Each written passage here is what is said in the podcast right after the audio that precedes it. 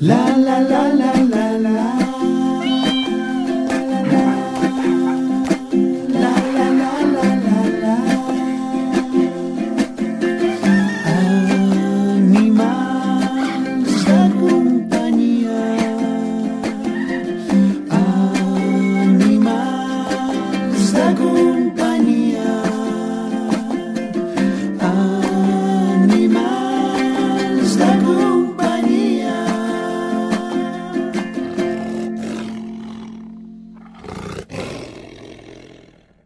què els gats cacen i mengen mosques?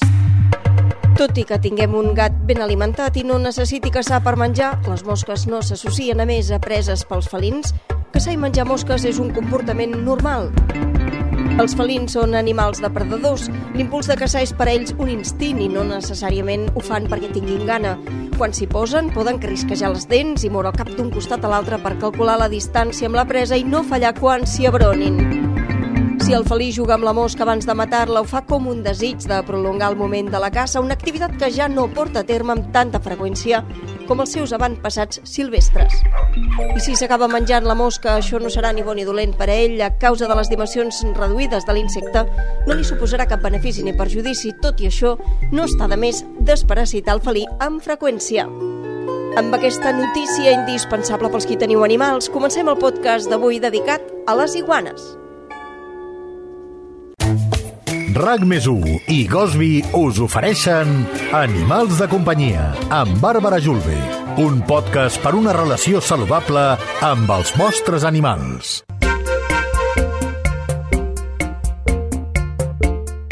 Les iguanes són herbívores, així que bona part de la seva alimentació ha d'estar basada en la verdura i altres aliments, però, que poden menjar i alguns, en canvi, que és millor que no els provin. La iguana és actualment un animal de companyia que va a més o els seus responsables en prefereixen uns altres. Un dels seus principals problemes pot ser l'agressivitat. En parlem de tot plegat amb Albert Martínez Silvestre, veterinari director científic del CRARC, el Centre de Recuperació d'Amfibis i Rèptils de Catalunya. Albert, ben tornat al podcast. Uh, quina il·lusió que, que, quina il·lusió que estiguis aquí entre nosaltres per parlar, en aquest cas, uh, de les iguanes. Hola, eh, gràcies per convidar-me una altra vegada. Sí, també em fa molta il·lusió tornar a estar aquí amb vosaltres. I sí, és veritat que al CRARC rebem iguanes i, i allà al, al centre que tenim a Masquefa eh, molta gent es truca per donar iguanes. I és un, és un problema que estem vivint perquè eh, el CRARC ja té bastants anys de vida i amb aquests anys hem vist que la gent abandona molt les iguanes i seria potser un tema interessant de parlar per què, per què està passant això. Per què? Doncs pregunta obligada. Per què la gent abandona les seves iguanes que té com animals de companyia a casa? Doncs mira, la, la iguana és, com ja ho has dit ara, és un animal herbívor estricte. O sigui, els estudis demostren que és un animal que necessita menjar sempre eh, fons eh, d'origen vegetal, eh, fons d'aliment d'origen vegetal. Llavors, quan, quan la gent eh, les, les alimenta, normalment ho alimenta de manera incorrecta, que si de vols després ho entrem amb, amb més detall amb això. Això, per tant, ja fa que eh, l'animal pugui tenir algunes malalties. A més a més, després la iguana és un animal que necessita uns documents legals. Eh, és un animal considerat CITES. CITES 2 vol dir que has de, has de tenir factures de compra. Després, eh, factura de compra amb un, amb un codi concret, eh, que és un codi d'importació. A més a més, un altre inconvenient que fa que la gent a vegades eh, no la vulgui tenir és el comportament, que si vols després ho parlem. Eh, a vegades són més agressives del normal. A més a més, molta gent que li agrada criar bitxos, la iguana és dificilíssima de fer criar. A més a més, és un animal eh, tropical que necessita unes condicions que no tenen res a veure amb el clima mediterrani. I finalment et vull parlar de que és un animal que viu més o menys com un gos, entre 12, 16 i 18 anys. No? Tot junt fa que sigui un animal amb una dificultat de manteniment en captivitat i molta gent o no es pot fer responsable, o no té els papers en regla, o no li dona la dieta, o, o la troba massa agressiva, total, que no es pot... mm, I, eh, és, les causes, totes aquestes juntes, fa que hi hagi molts abandonaments d'iguanes. I llavors, com altres rèptils estan sortint que no compleixen cap d'aquests inconvenients, que és tot el contrari, llavors està sent com substituïda. El mercat està substituint. Cada cop la gent té menys iguanes i té, per exemple, més dragons barbuts, que és una espècie de rèptil que té eh, no és CITES, o sigui, es pot tenir sense aquest document legal. És un bitxo molt manso, molt manso, molt petitet, no viu gaires anys, com a molt viu 10 anys, el dragó barbut.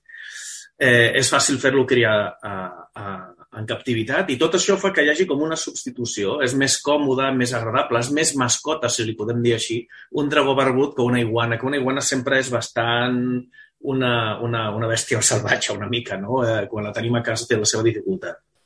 Mm, doncs, si et sembla, Albert, anem tancant aquestes preguntes que han quedat a l'aire. Uh, una d'elles, la, la primera, fa referència a l'alimentació de, de la iguana. Són herbívors, Uh, la seva dieta està basada en la verdura, però quins altres productes poden, poden menjar? I en totes les etapes de la seva vida ha de ser sempre la mateixa?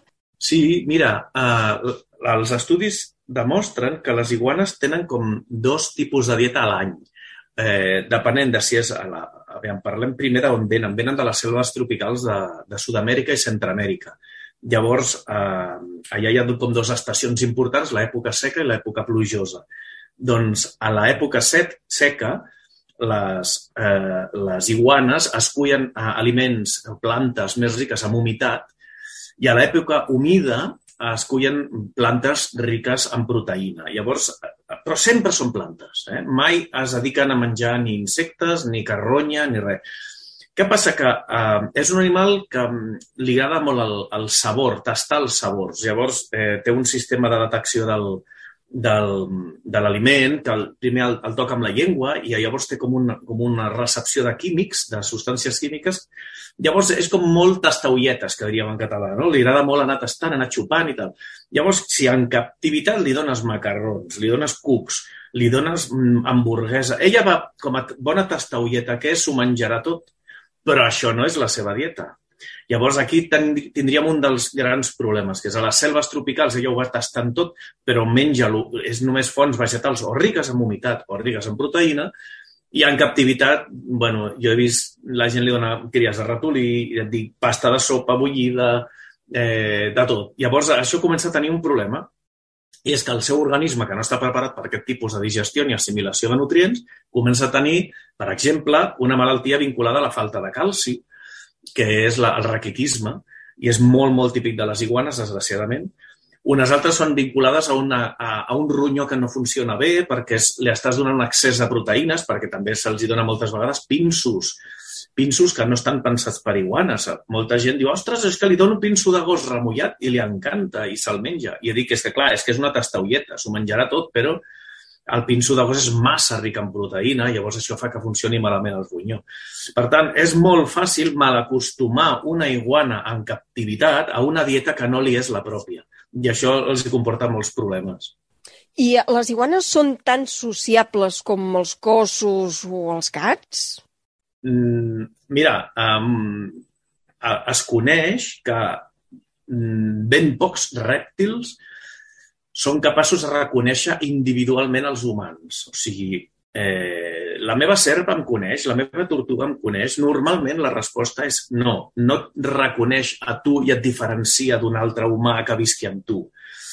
Excepte les iguanes. Les iguanes s'ha demostrat que fan reconeixement individual, o sigui, són capaços de reconèixer-me a mi, del meu germà, del meu pare, i fan un reconeixement molt fi. Eh? És, és visual i olfactiu, o sigui, és això que us deia, que ella primer et veu, després s'apropa a tu, et xupa amb aquesta llengua que té, eh, que és petita, no és, no és com una ser que té aquestes projeccions... Eh, no, no, és una llengua petita, et xupa i diu, vale, sí, ets l'Albert o, o, o, o ets la Bàrbara, no? O sigui, això, això ho té clar. Llavors, eh, a més a més, una altra cosa que hem d'afegir és que les iguanes formen grups socials. O sigui, aquí s'assemblaria una mica al gos. Eh, hi ha un, uns, unes estructures socials, unes jerarquies on, on, on la iguana, mm, hi ha una iguana mascle i una femella que solen ser els, els vells i els dominants i després hi ha uns grups de subadults i nounats que estan per sota d'ells. I aquestes jerarquies les estructuren a, a nivell de qui menja primer, qui explora, qui vigila, eh, a l'hora de dormir, qui dorm a sobre de qui. Per exemple, normalment els petitets dormen a sobre dels adults, perquè hi ha una gran diferència de mida. No? Llavors els petitets es posen a dormir a sobre de, dels adults, els petitets es senten protegits i els adults es senten protectors, cosa que enforteix els lligams aquests de les jerarquies. Clar, llavors, si juntes tot això, veus que quan estava la iguana en unes condicions mm, domèstiques, en un pis, en una casa, què passa? Doncs que la iguana necessita reconèixer amb qui viu i en quina posició està dins aquesta, aquest organigrama familiar. No? És, és una mica, per això dic, sí que té una mica de veure amb els gossos. No? Llavors, eh, aquí apareix un dels problemes que molta, l'agressivitat et deia, que molta gent eh, diu, ostres, que la iguana meva és agressiva. No? I és que hi ha dos tipus d'agressivitat. L'agressivitat simplement perquè no està ubicada i està, no té un territori conegut i constantment està defensant un territori que no li és propi. Per exemple, surt del terrari on viu i es posa a defensar el sofà de la casa o a defensar la làmpara i no hi ha qui s'apropi al sofà perquè li fot un cop de cua o, o una mossegada. Aquest seria un tipus d'agressivitat que s'ha descrit amb iguanes i l'altre és molt curiós perquè com té un reconeixement individual dels éssers humans, reconeix exactament qui és la, la, la dona, o sigui, el sexe femení de la casa i s'ha vist, i de fet eh, hem trobat bastants casos, de que dones en període menstrual les reconeix eh, aquest, aquesta hormona la detecta i la iguana, sobretot els mascles d'iguana, es tornen com bojos i van a intentar copular a la senyora o a la noia de la casa. Llavors, això genera uns malestars terribles. O sigui, moltes d'aquestes iguanes es llencen a sobre de la senyora, eh, li mosseguen el coll, li, bueno, algo, algo terrible. Intenten com si fos una còpula. Llavors, jo m'he trobat amb aquests problemes i això, evidentment, genera molt malestar. A més, un, una de les causes típiques de, la, de les consultes aquestes és que et venen al matrimoni molt preocupat amb la seva iguana la consulta i et diuen, mira, eh, a mi em mossega, però al meu marit no li fa res. O sigui, hi ha un reconeixement, però és que a més em té mania. Llavors dius, no, no és que es tingui mania, és que veu que tu ets la femella i llavors va per tu a veure si aconsegueix copular. I, i clar, les còpules dels rèptils són una mica agressives. Sempre hi ha mossegades i... Clar, eh, això té solució, però és una solució molt mm, mm, pautada, tranquil·la, s'ha de fer molt, un parell de mesos, eh, substituint coses i, i té, ja et dic, té una solució comportamental, és, això és un tema d'etologia, però, però sí, jo, jo reconec que és un animal que té la seva gràcia tenir-lo en captivitat per tot això que us he explicat. Mm, I si l'hem de manipular sí o sí, eh, en la nostra iguana, imaginem que és una, una noia, no?, la seva responsable i que té la menstruació, com ho ha de fer per manipular aquesta iguana? Si l'ha de dur al veterinari o realment tenim un problema a sobre? Una cosa que va bé quan manipules iguanes és des del moment que la tinguis, com diuen, saps que la tindràs 12, 13, 14 anys, eh, cada mes, mes i mig anar-li retallant les ungles, que ella es vagi acostumant a que eh, hi haurà un moment que tu li retallaràs les ungles, que hi haurà un, una manipulació eh, respectuosa, que no t'agafarà mania, perquè les iguanes tenen unes ungles molt, molt afilades, pensades en grimpar pels arbres. No? Llavors, eh, s'han d'anar retallant, si no et poden fer talls, talls importants als braços quan els agafes. Llavors, t'estalvies que et talli, però és que, a més a més, estàs forçant una relació de que constantment l'has de manipular, almenys cap a mes i mig, eh, li has d'anar fent talls a, les, a, a, la, la última porció de l'ungla. I això la iguana l'ha acostumat i, i va enfortint una relació amb tu. Llavors, quan arriba el moment en què eh, tu tens el cicle menstrual, una de les coses que, es, que va bé és que si la iguana ja està acostumada a tu, també es pot acostumar a això i llavors, eh, si tu saps que aquell animal està agressiu aquells 4, 8, 10 dies que pots estar eh, amb aquest cicle hormonal, se'ls hi poden oferir substituts. O sigui, jo, per exemple, he aconseguit eh, que una iguana s'enamori de les sabatilles de la senyora. No? Llavors, pues, la senyora diu, ui, ara ja està passat. Ja aquests dies pues, li poso les sabatilles i que, i que es, que es tranquil·litzi amb les sabatilles. A vegades ho hem fet amb coixins, a vegades amb jerseis, sobretot jerseis de color vermell, els hi agraden molt, o sigui, però tot ha de ser roba que porti la senyora, que tingui l'hormona de la senyora, entens? O sigui, és una mica com buscar un substitut durant aquests dies i després ja l'animal es calma i tothom, tothom torna a la seva estat de normalitat fins al mes següent. No? Llavors, això serien maneres d'intentar superar això. Aquestes, aquestes situacions, i tant. Um, tant pel que fa a les iguanes com el dragó barbut, que dius que és un animal de companyia que, que, que va més, com aquests animals demostren la seva confiança, la, la seva estima, el seu apreci cap als responsables? És fàcil no pensar en un gos o un gat, què fan? Que potser són els més comuns, però les iguanes també tenen sentiments i també, d'alguna manera, no? Eh, quan estan a gust um, amb la persona que els cuida, com ho demostren? El més, l'exemple típic és que redueixen la seva distància de seguretat. O sigui, quan t'acabes de comprar una iguana o el que sigui, la, la tens ja i llavors veus que a priori no, mai s'apropa a tu. Està sempre emprenyada i a punt d'atacar, cop de cua. A mica en mica de, de, del procés d'adaptació es va deixant apropar. Llavors hi ha truquets també per fer que es deixin d'apropar. Es deixin apropar, perdó. Llavors, eh, quan veus que ja per fi s'ha escurçat tant la distància de seguretat que la tens, que ella es, es puja sobre teu, o que llavors és quan tu li pots començar a fer eh, carícies. Llavors, les carícies primeres han de ser ventrals, eh? a la zona de la panxa, de la barba, eh, la base de la cua. Les ventrals les toleren molt bé i els hi agrada. Tanmateix, les dorsals, o sigui, el que seria l'esquena, el clatell, això no els hi agrada gens, perquè són la iguana, en aquest hàbitat que estàvem parlant, de les selves tropicals, ocupa un lloc molt concret, que és, és a l'herbívor que tothom el caça per menjar. O sigui, el cacen eh, els jaguars, el cacen les serps, el cacen les aus rapinyaires. O sigui, hi ha, hi ha un, molts animals que viuen, és un, és, un, és un transmissor, es diu moltes vegades a la piràmide tròfica, la iguana és el transmissor de l'energia vegetal cap als pisos que estan per sobre d'ella. I, per tant, molta gent menja iguanes, mol, molts animals menja iguanes. Llavors, ella té pànic a qualsevol aproximació dorsal perquè és el, per on se li aproximen els seus depredadors normalment per la captura. Llavors, quan està a casa, no has de fer mai carícies dorsals ni tocar-la per l'esquena. Al principi ha de ser això. Per tant, resumint, que es, que es, eh, que s'escurci la distància de seguretat i carícies ventrals. I així hem d'estar gairebé un any. Quan l'animal està acostumat a això, llavors ja passem a les carícies dorsals, però no abans. Quan l'animal estigui manso, ja has de deixar de fer carícies per on vulguis. Ja li podràs, estar, quan estigui fent la muda, li pots ajudar a arrencar trossos de pell que ja l'animal està. Però això és un procés que dura més o menys un any, eh? de, de acostumar-la a que amb un gos tindries acostumat en tres dies, doncs eh, amb una iguana trigues entre sis mesos i un any. Iguanes o dragons barbuts, quins animals tan i tan curiosos. Albert eh, Martínez de Silvestre, ets un pou de saviesa, eh? amb tots aquestes espècies.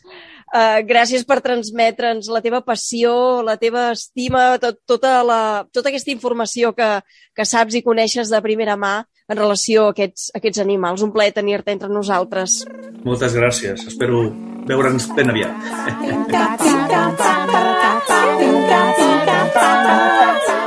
Amb 16 anys va fer les primeres passes en el món de la música. Va debutar el 2020 amb el disc Ara i n'ha tret un de nou sota el títol Estimant Salvatge.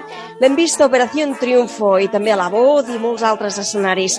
La guitarra, els micros, els escenaris són la seva vida, però també ho és en Bacon, el seu cavalier. Parlem de David Ross, cantant i compositor, conegut entre altres temes per La vida és nostra, un cant a la vida, obra seva, que va composar en els moments més durs de la pandèmia.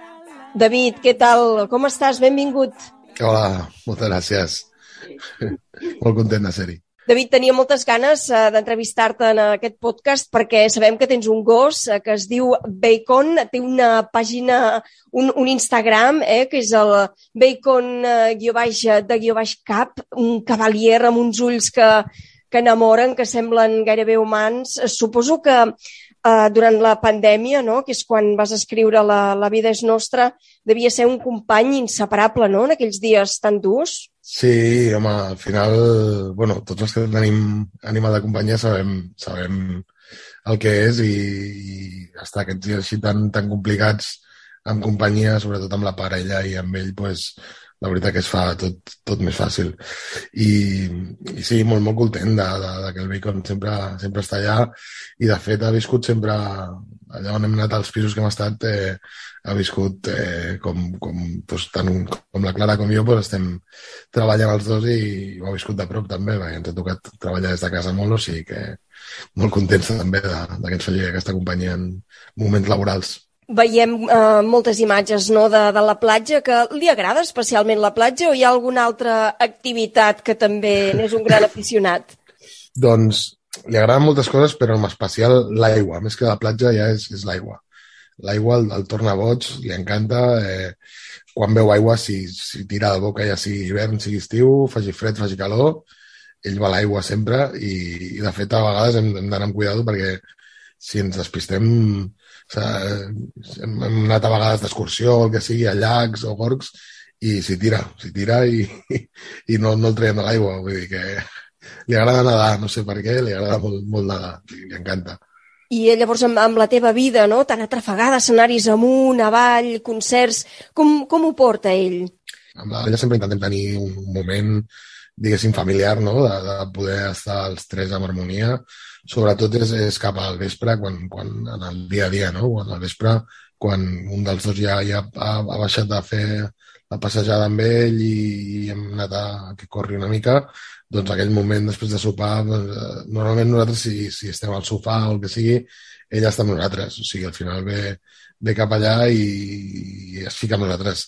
Llavors, quan hi ha molta feina, jo sobretot a l'estiu, que vaig molt amunt i avall, doncs sempre intento tenir aquest momentet, si, si, si, si m'ho puc permetre, d'estar amb ell, o si no pot ser la nit, doncs un ratet al matí, d'estar junts i, i de... Jo més m'ho passo molt bé amb ell i, i li parlo molt, vull dir que també és un moment de, com d'alliberació, no? D'explicar-li de, coses.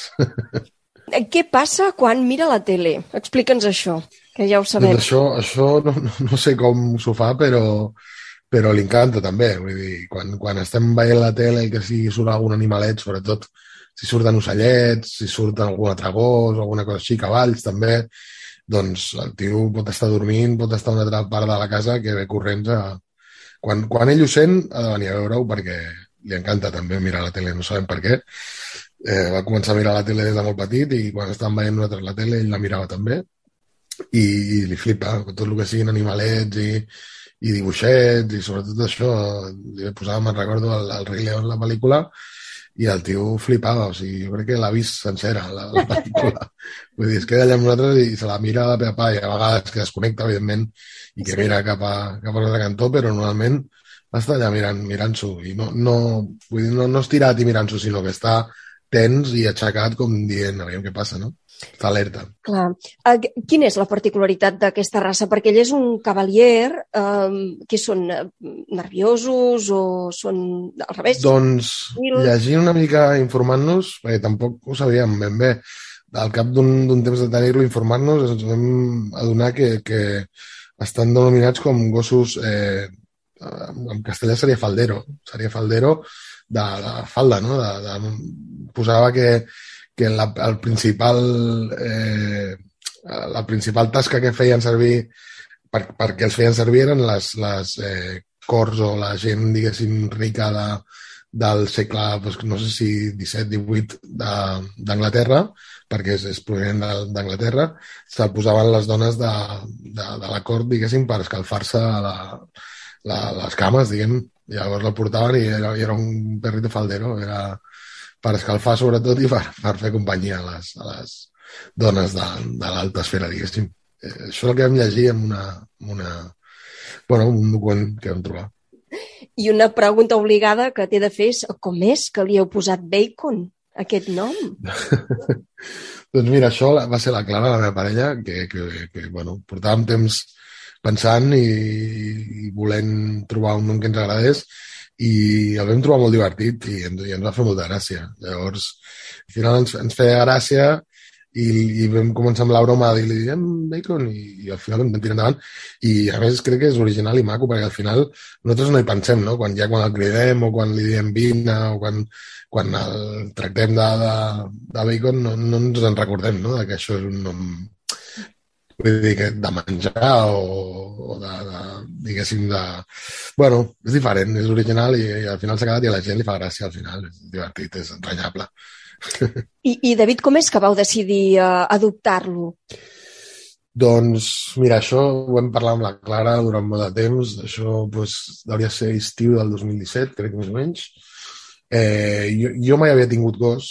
Jo sempre de petit aquí a casa havia demanat que em, feia, em faria molta il·lusió, mi sempre m'ha agradat molt i sempre he tingut molta devoció pels, pels animals, però sobretot en particular pels, pels gossos. I sempre havia volgut eh, pues, poder tenir-ne un no? I, i disfrutar de, del carinyo que et dona un animal de companyia i sobretot un gos que són, són pues, unes criatures espectaculars i, i que són... Bueno, jo sempre li tinc molt de carinyo i, i he vist sempre no, que són animals que, que, que quan t'estimen, t'estimen amb tot el cor i que, que, que estan allà sempre per tu i són amics teus de per vida, no? I la Clara ja n'havia tingut a casa seva i ho havia passat malament, no?, perquè havia perdut doncs, un, un gos... Bueno, feia anys ja, ella crec que va, quan tenia 14 o així tenia un Beagle també i que, que va morir a causa d'un càncer i, i bueno, i al final vam engrescar, vam parlar i li vaig dir que em faria molta il·lusió i amb ella també li feia il·lusió al final i ens vam decidir així ens vam decidir així, vam, vam informar-nos també aviam pues, una, una raça que, que un pis pues, no, no, no patís, que, que fos carinyosa, que fos una raça que es portés bé amb els nens, que es portés bé amb tothom.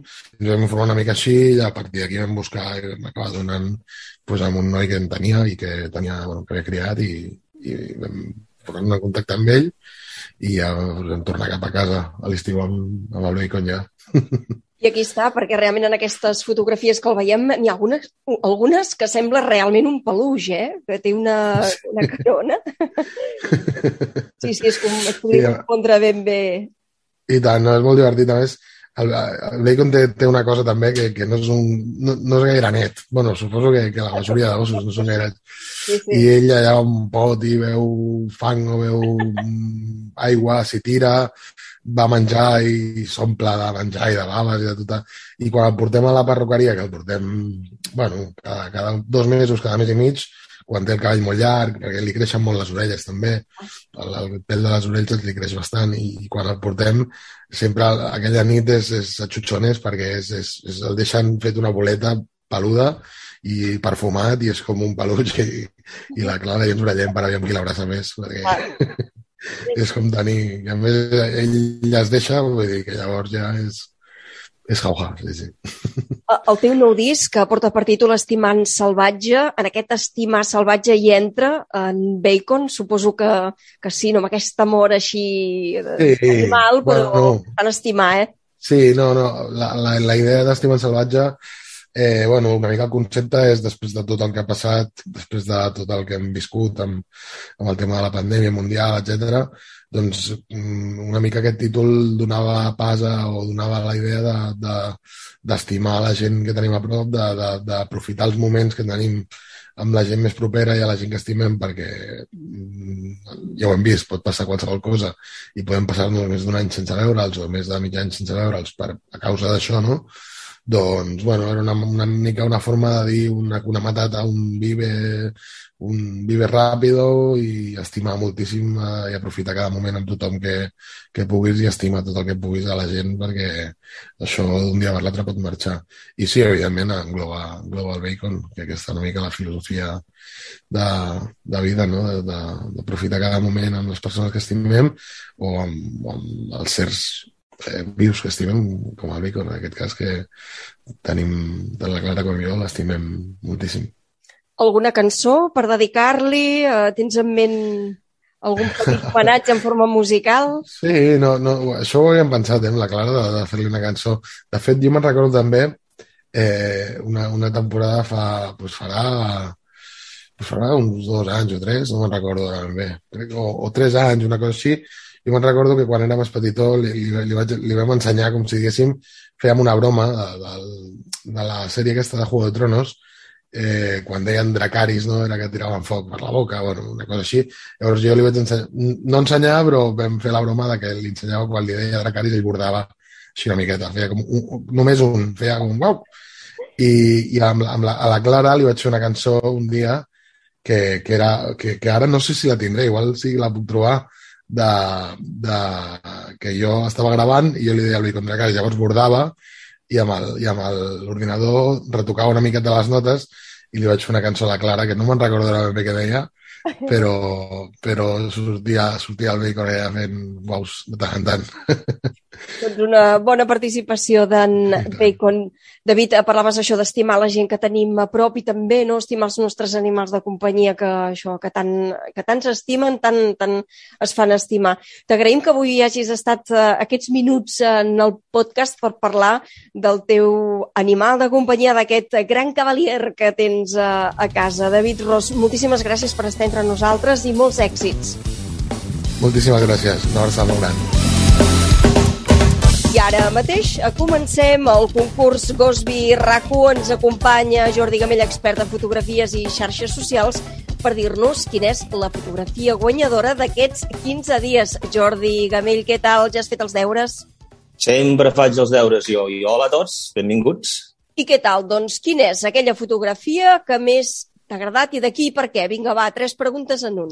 Tres preguntes en un, doncs una resposta llarga.